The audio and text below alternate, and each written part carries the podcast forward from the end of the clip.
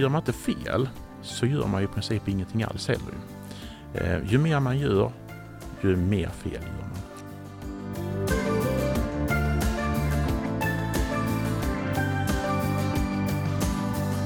Hans verksamheter möter skåningarna dygnet runt, årets alla dagar och öronen är hans främsta redskap.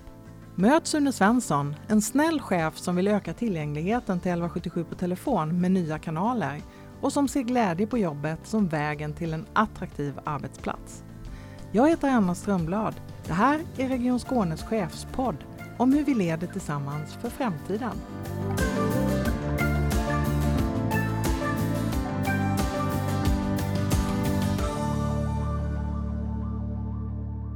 Hej Sune! Hej Anna! Välkommen till Chefspodden! Tack så hjärtligt!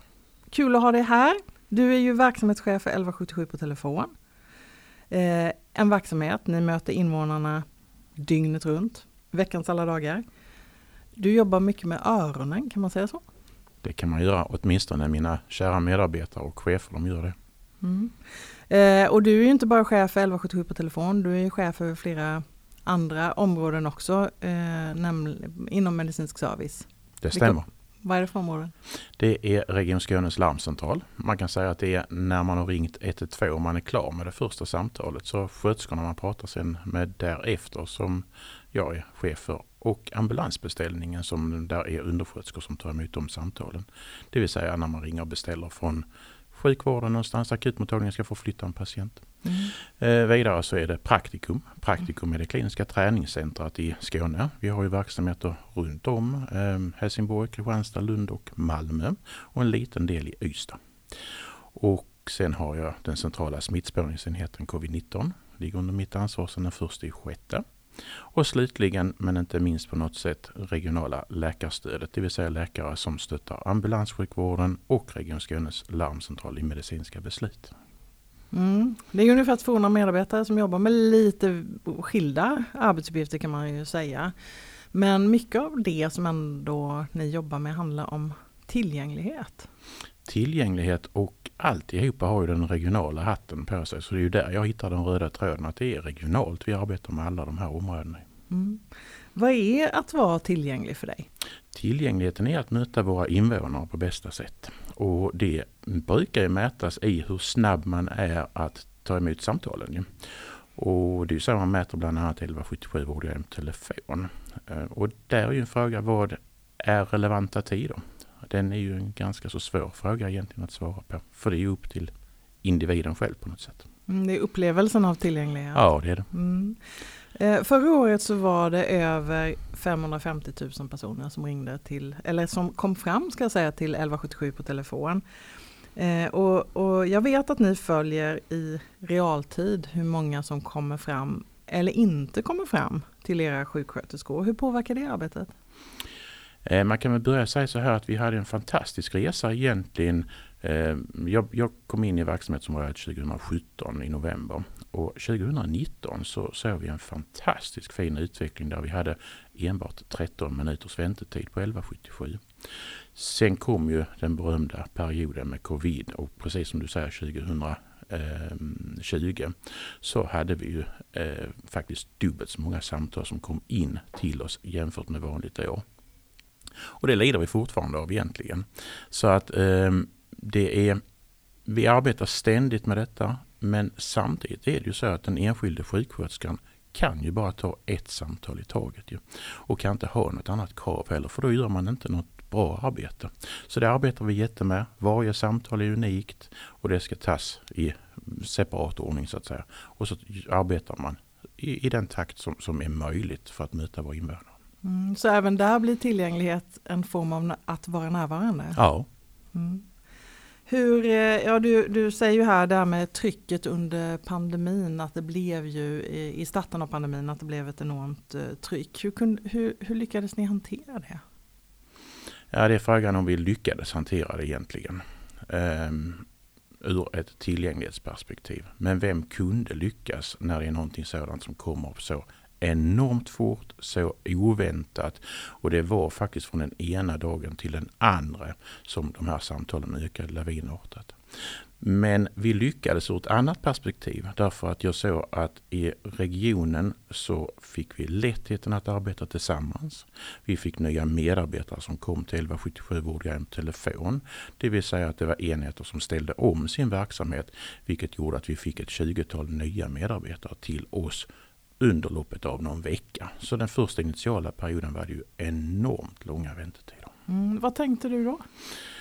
Eh, gällde att kavla upp armarna, gällde att stötta personalen så mycket som möjligt, eh, finnas till hands eh, och eh, framförallt stötta enhetscheferna. Och jag arbetar mycket mot det regionala perspektivet för att få mer personal till oss helt enkelt. Mm. Nu är det ju inte eh, samtalen riktigt lika många som i starten av pandemin för det blev ju det blev ju, eh, i det läget fick vi ju till och med eh, gå ut och kommunicera att man skulle undvika att ringa om man faktiskt inte behövde. Nu är vi ju i ett annat läge. Hur tänker du kring det? Ja, vi är i ett annat läge. Jag håller helt med dig på det. Men det är fortfarande så att vi ser att det är fler samtal än normalt. Och det är mer så att säga vanliga samtal som kommer nu. Och det troligen är det ju det uppdämda behovet som har nu kommit i fatt på något sätt. När folk börjar känna efter att ja men nu vågar jag kanske gå till doktorn, jag vågar söka min vårdcentral eller vad det nu är för någonting. Och då väcker de, ah, det väcker ju andra frågor så att säga. Och det är de normala samtalen då. Och det är ju det som är det intressanta och roliga egentligen för sjuksköterskorna på 1177. Det är ju det som, som spårar att, att ha de svåra sjuk, sjukdomsfallen där man behöver använda all sin kompetens. Mm, för då blir ni ju första vägen in eller kanske rent av första samtalet eh, för de här personerna. Ja. Eh, samtidigt är det ju då eh, av de som ringer så är det ju också en del som inte kommer fram. Eh, hur stor andel av de som ringer till er kommer, når, når inte eh, fram? Eh, det har ju minskat eh, såklart på, på resans gång här ju. Men det är lite olika, olika tidpunkter på dygnet också. På dagtid och kvällstid så har vi väldigt få som inte kommer in. Men på kvällstid när det är många som ringer då har vi en utmaning fortfarande att, att eh, kunna ta alla samtalen. Ehm, det, det, är liksom för många som ringer för att vi ska kunna manna upp tillräckligt mycket. Och vi har ju faktiskt rekryteringsproblem. Vi har för få sjuksköterskor totalt sett eh, för att kunna bemanna. Vi har just nu cirka 20 tjänster som vi saknar. Mm. Vad händer då med de som inte kommer fram? Vad vet ni om dem? Vi vet egentligen inte exakt vad som händer med dem. Men självklart är det ett antal som söker sig nästkommande dag till primärvården. Och troligen är det ett antal som istället ringer 112 eller söker sig till akutmottagningen. Så att önskvärt är ju att vi ska ta 100% av samtalen. Det är självklart att det är önskvärt. När det gäller tillgänglighet så nu pratar vi om det här med tid till att komma fram. Det är såklart en av de där eh, grundläggande eh, förutsättningarna men det handlar ju både om att inte bara att det är snabbt utan att det är rätt och med, med hög kvalitet precis som du säger det här med att, att kunna eh, svara rätt. Hur nöjda är de som, som ringer 1177 på telefon? De är väldigt nöjda med samtalet. Vi har ju nöjdkundhetsindex ju, som vi följer vartannat år. Och där ser man ju tydligt att man är nöjd med själva samtalet. Där vi får kritik och det är ju just på väntetiderna, att man vill komma fram snabbare. Men, men själva samtalet eh, är, till synes är, är, är positivt. Nu pratar vi om eh, telefon. Eh, jag har själv barn i, i 00-generationen som inte ens svarar när jag ringer kan jag säga. De messar eller snapchattar eller eh, ägnar sig åt lite andra eh, sätt att kommunicera. Vill framtidens generationer ens ringa tror du? Nej, det tror jag inte.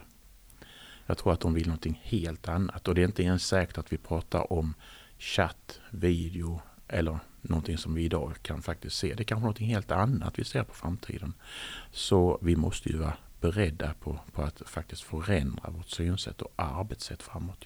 Mm, hur tänker du kring det? Vad är liksom, vad, hur, hur, jobb, hur tänker du och hur jobbar ni med det? Eh, vi sitter i många av de, de, nationella grupperna, vi sitter i regionala grupper och arbetar med, med framtiden. Ju. Men eh, det vi börjar att titta på och vill så snart det bara går det är ju att börja med chattfunktionen för den tror vi mycket på. Vi eh, tror mycket på att kunna bredda arbetsplatsen. Vi har ju historiskt alltid skulle vara fysiskt på arbetsplatsen. Men redan innan pandemin vill jag säga så börjar vi med hemarbetsplatser. Och där skulle det kunna vara fantastiskt att ha chatten. Att titta på det vi inte vet riktigt vad det är för någonting är ju svårare egentligen. Men vi är öppna för, för att se och möta invånarna såklart. Mm. För 1177 eh, på telefon eh, tog emot eh, drygt 550 000 samtal förra året, vilket är enormt mycket samtal. Samtidigt hade ju webbplatsen, som ju också är en del av 1177 Vårdguiden, eh, 1177.se nästan 25 miljoner besök i Skåne. Och eh, man loggade in via e-tjänsterna 13 miljoner gånger bara i Skåne. Så det är enorma volymer av tal. Men hur ser du på det här med relationen? Skulle man kunna jobba ännu tajtare mellan de olika delarna, telefoni, e-tjänster? Ja, det är klart man kan göra. Eh, man kan alltid förfina och förbättra ett samarbete. Men jag tycker att vi har ett väldigt bra samarbete redan idag. Vi har enkla kanaler, vi har bra medarbetare på alla håll och jag, jag tycker att vi är lyhörda för att möta varandras behov på ett bra sätt. Ehm, 1177.se och e-tjänsterna är ju oerhört viktiga för våra invånare för att kunna läsa själv och ha en förståelse för vart ska jag vända mig, vad ska jag göra? Och då kan man ju också titta på framtiden. Vad är det som säger att inte vi ska ha en symptombedömning med en, en korrekt AI-lösning där man faktiskt kan göra väldigt, väldigt mycket själv som invånare. Eh, och det är ju lite grann det som du sa med att vi har personer som kanske inte alls vill ringa, men kanske inte alls vill möta någon person egentligen. Då ska vi också möjliggöra för dem. Så det är ju, är, är ju en del. Men då måste vi också fortfarande, tror jag, ha människan bakom, alltså det vill säga sjuksköterskan bakom, som kan ta emot samtalen efter detta. Mm. Eh, nej men det är väl som du säger, kanaler växlar över tid. Tror du att 1177 på telefonen ens kommer att finnas om tio år? Ja, det tror jag. Fast inte på det sättet som det är idag. Jag tror att telefoni kommer att vara en del. Jag tror att det kommer att vara andra lösningar också. Vi kommer att se video. Vi kommer att se chatt. Vi kommer att se någonting annat som jag sa. Idag har vi möjligheten med bildfunktion, alltså skicka in bilder eh, som ett komplement till själva samtalet. Och vi har testat videolösning och vi kommer dit. Eh, alltså vi har varit i, i en pilot helt enkelt tidigare. Mm.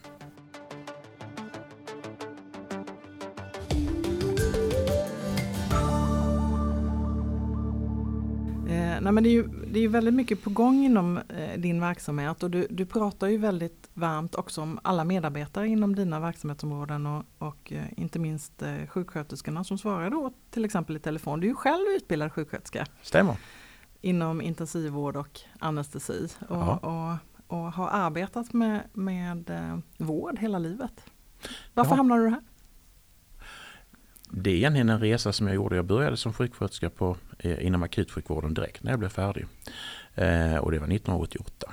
Eh, 2004 så slumpade så att jag blev tillfrågad om att få en chefstjänst. Och det var en chefstjänst i Höganäs. Det var tio medarbetare. Och sen därefter så har detta utökats och det har blivit ett intresse och jag tyckte att det var väldigt roligt för mig att påverka. Min drivkraft är att påverka. Det är det som är så viktigt för mig.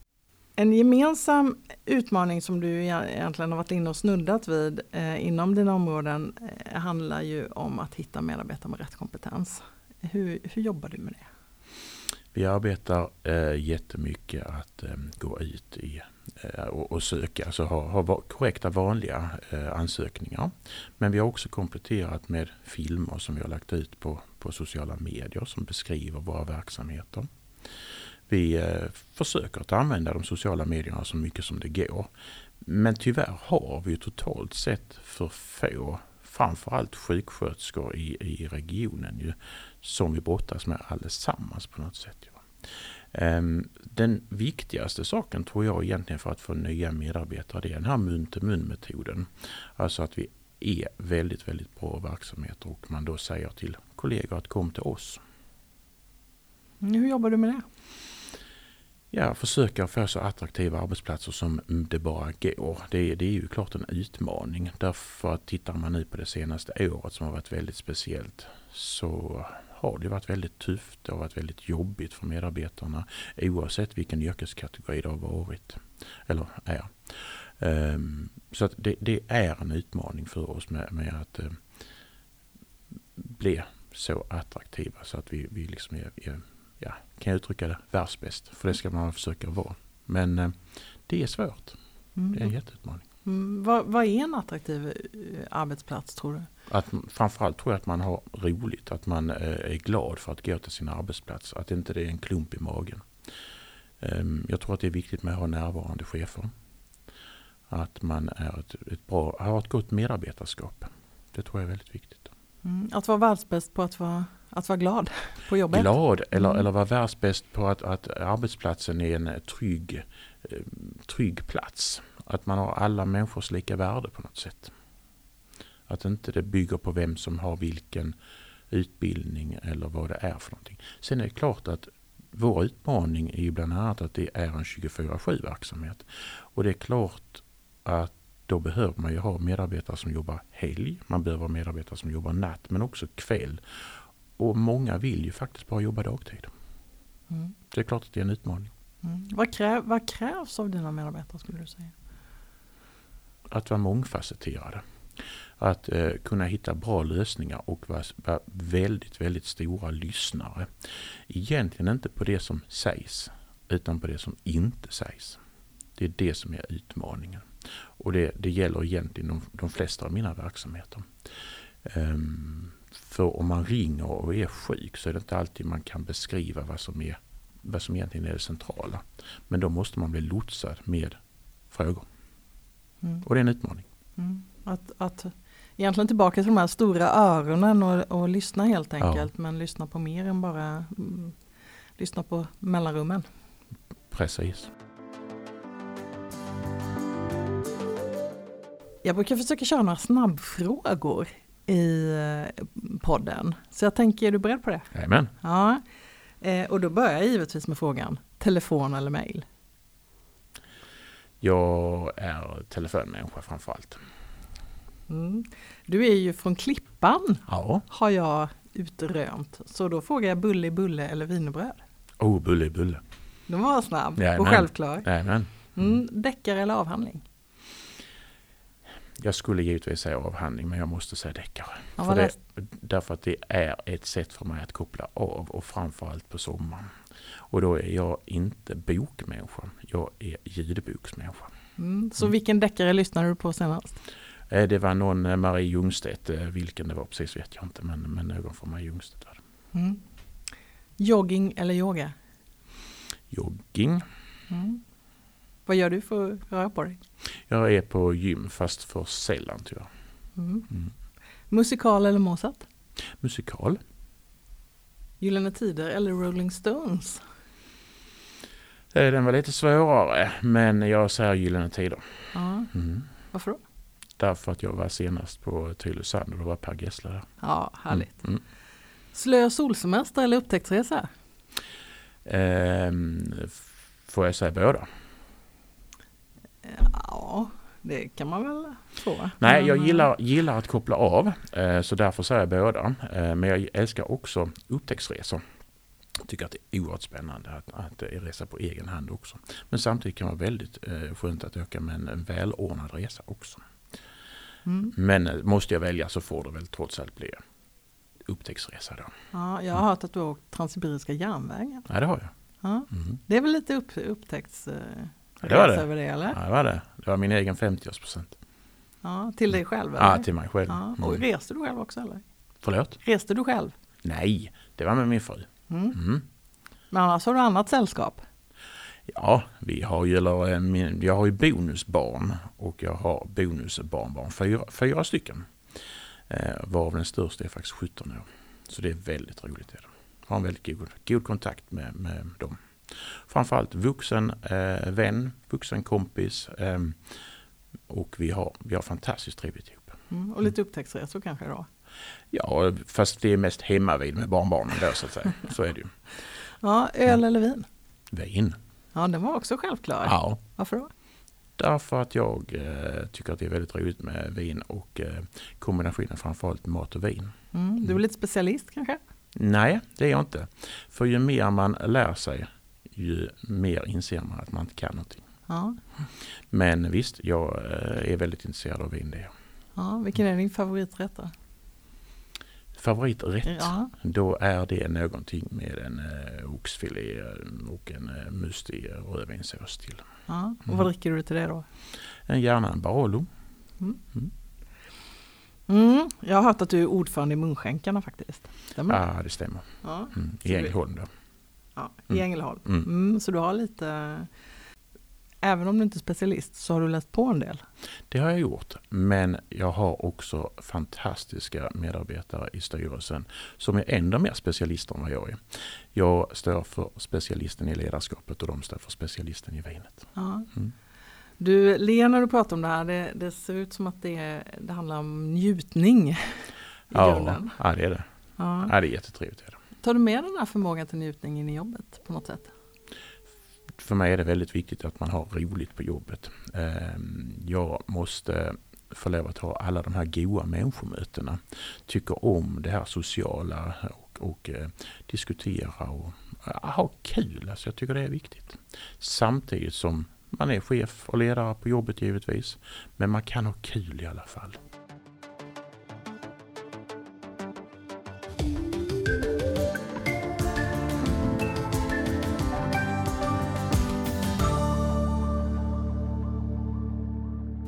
Du har ju varit chef. Du berättade att du av en slump blev uppringd eh, och tillfrågad om att bli chef. Du har ju varit chef i väldigt många år. Varför vill du vara chef? Det är påverkan. Jag drivs av att kunna påverka. Vara någon person som kan bidra på något sätt i systemet. Tycker det är väldigt roligt att också påverka regionalt. Jag sitter med i ganska många möten där vi arbetar ur ett regionalt perspektiv. Mm. Vad har du nytta av här eh, i ditt jobb nu som du har gjort i tidigare chefsjobb? Och det är många saker. Ehm, jag ehm, har framförallt med mig väldigt mycket från Region Halland när jag jobbade på regionkontoret i Halland. Då var jag på beställarsidan. Sen gick jag ut i primärvården och folktandvården och var utvecklingschef. Då jobbade jag på utförarsidan. Men jobbade där på med, med utvecklingsfrågor och framtidsfrågor. Då. Ehm, Och det är ju klart att det är ju någonting jag har med mig. Jag ser att man kan applicera många av de tankarna in i Region Skåne också. Mm. Är det bra att byta chefsjobb? Ja, det är det. Man triggas, man behöver tänka nytt. Man, man blir barn igen ju. Man börjar på något nytt, behöver sätta sig in i detta. Som till exempel nu när jag tog över centrala smittspårningsenheten. Det var ju helt nytt område för mig. Samarbete med Smittskydd Skåne som inte jag haft tidigare. Det har gett mig jättemycket i, min utveckling och, mitt lärande. Vad vill du vara för typ av ledare? Jag vill vara en snäll ledare. Varför då? Därför att jag är en snäll person. Varför är det viktigt att vara snäll? Nej, jag ska väl säga så här. Jag menar i det normala så, ska, så, så är jag snäll och jag, jag vill liksom se återigen alla människors värde, lika värde. Det är jätteviktigt. Varför ska man inte se människor? Varför ska man inte säga hej på morgonen? Varför ska man inte vara tillgänglig? Det är snällhet för mig, bland annat såklart. Ehm, Jag ehm, är gammal scout. Jag är bara eh, medlem idag och, det har också genomsyrat mitt sätt att se människor eh, för just lika värdet som jag säger. Vad är det du har plockat med dig från scouterna? Ehm, Att, att alla människor har sin plats och man ska försöka förstå varandra. Det, det, det tycker jag är viktigt. Mm. Ehm, Annars, annars drivs jag mycket av att, att eh, försöka förstå samband. Och med det så, så blir jag också en lite diplomatisk chef. Jag eh, är kanske inte alltid så snabb i eh, att fatta beslut. Jag måste först förstå vad är det som händer och vad påverkar det.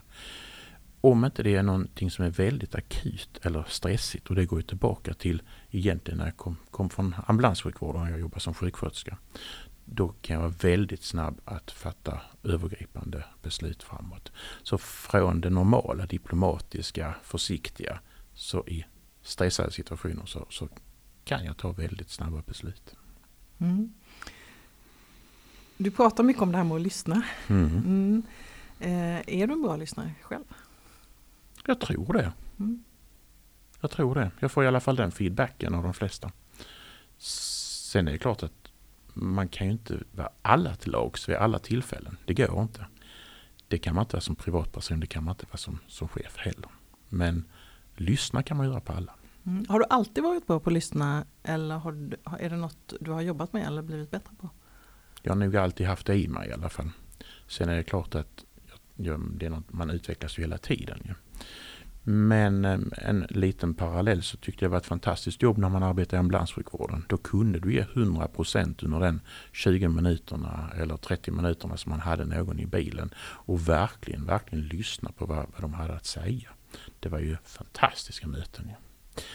Ehm, som chef så lyssnar man ju ofta på ledningsgruppen och sina chefer. Ju. Och där är det väldigt viktigt att ha både ja-sägare och nej-sägare. För annars kör man ju diket ju. Så man ska lyssna lika mycket på ja-sägarna som nej-sägarna. För det är ju det som den konstellationen som driver saker och ting i rätt riktning. Mm, hur ser man till? För det kan ju vara lite svårt när man ska rekrytera personer. Det kan ju, ofta blir det så att man tenderar ju mer att rekrytera personer som är kanske lite mer lika en själv. Hur tänker du kring det? Mm, eh, det håller jag med dig på att det, det gör man gärna ju. Men samtidigt så måste man titta också på konstellationen i framförallt ledningsgruppen. Hur, det är inte bara så att man ska passa med mig som, som, som chef ju, utan det är också konstellationen i, i ledningsgruppen som sådan. Ju. Därför att det är ju det som är hävstången för att driva det framåt. Ju.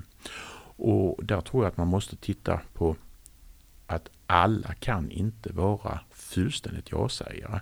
Men när jag säger nej-sägare så menar jag i rummet tills beslut är fattat. Ehm, men när beslut är fattat så måste vi ju alla förhålla oss till besluten. Men som i mitt fall så, så kan jag, tycker jag att det är viktigt att jag kan säga innan beslutet fattade för mig så måste jag kunna säga nej men jag tycker inte att det känns bra. Eh, och så motivera detta. Sen kommer det ett beslut i någon riktning som inte jag vill. Då måste man förhålla sig till det såklart.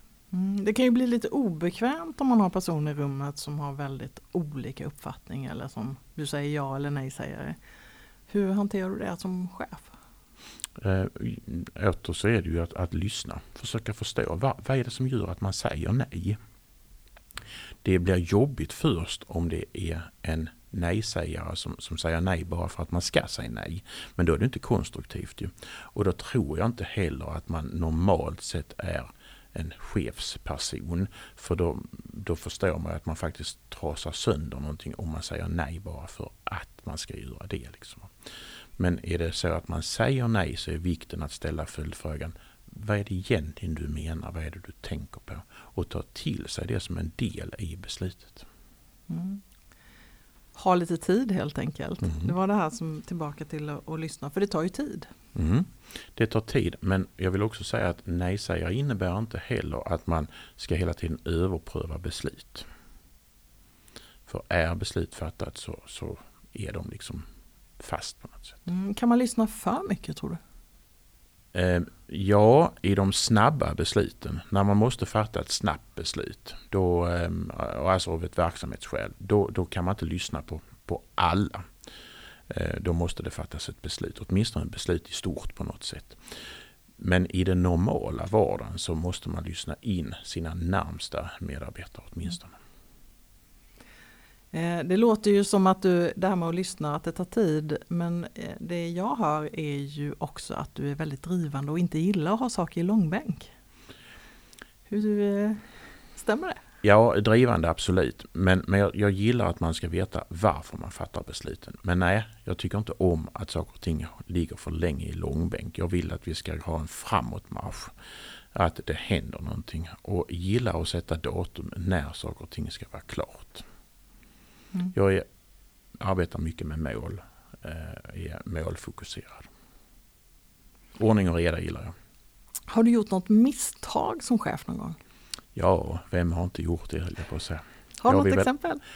Ja, alltså inget, inget konkret exempel så har jag inte. Men när jag precis blev chef eh, 2004 så trodde man ju självklart att oh vad det är lätt att bestämma som chef och lovade medarbetarna både det ena och det andra. Tills man insåg att nej, men jag måste ju faktiskt ta det i linjen också vissa saker. Då går det inte alltid så fort. Men som väl var så var ju detta då på ambulansen i Höganäs och det var eh, tio underbara medarbetare som var så förlåtande. Så det var min väg i chefskapet och ledarskapet. Eh, så att där gjorde jag massor av klassiska misstag egentligen så att säga. Men eh, kan inte lyfta något enskilt så. Det, men, men alltså det var alla fel man kan begå som, som ny chef och ledare. Mm. Men du, du låter som att du ändå är lite glad över det där. Ja, Att du gjorde fel. ja visst. Eh, för gör man inte fel så gör man ju i princip ingenting alls heller. ju. Eh, ju mer man gör, ju mer fel gör man. Och det är också eh, vad jag brukar säga till, till enhetscheferna när de kommer och säger ah, Sune, nu, det här gick ju inte så bra. Nej, men eh, då lär vi väl någonting av det och sen är det inte mer med det. För vi måste få lov att göra fel. För annars vågar man inte göra någonting.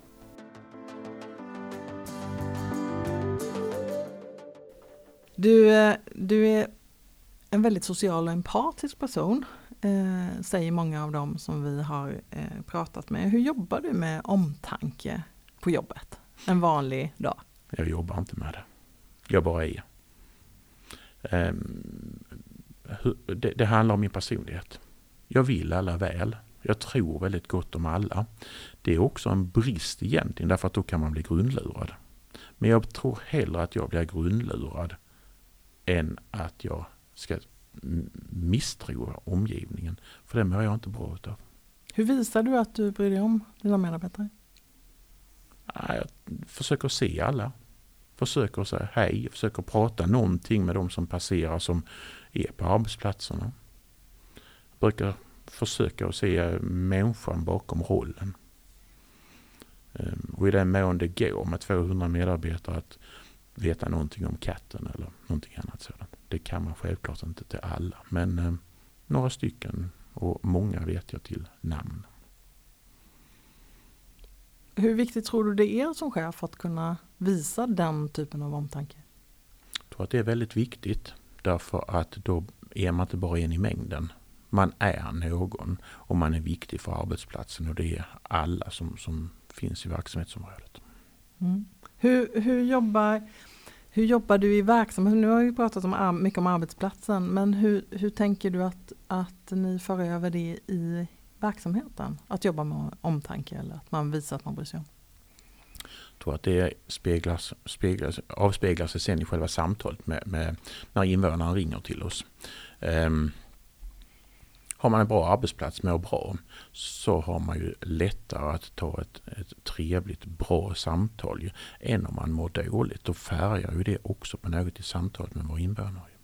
Så visst eh, färgar det hur man arbetar sen. Mm. Så i viss mån så kan man ju då säga den här nöjdhet, för du berättar ju också att, att våra invånare är väldigt nöjda med de samtalen Ja. när de kommer fram till exempel till 1177. Att det speglar både den attraktiva arbetsplatsen och, och hur, hur ni jobbar som ledare på arbetsplatsen. Ja, det gör det. Och tittar man på, på praktikum som det kliniska träningscentret så är det ju hur man utför själva utbildningarna utåt. Är man glad och, är nöjd med sin arbetsplats så är det klart att man utför en bättre utbildning och man, man är social och trevlig till de som kommer som kunder och till oss. Mm. Tack för att du kom hit idag Sune. Vad ska du göra resten av dagen förresten? Idag ska jag till 1177 här i Malmö. Mm, vad ska du göra? Jag ska faktiskt ha massor av andra möten men jag ska sitta och jobba just fysiskt på, på plats. Mm. Och träffa dina eh, medarbetare på plats. Jajamän, Mm, hur känns det? jätteroligt. Tack för att du kom hit. Tack så mycket.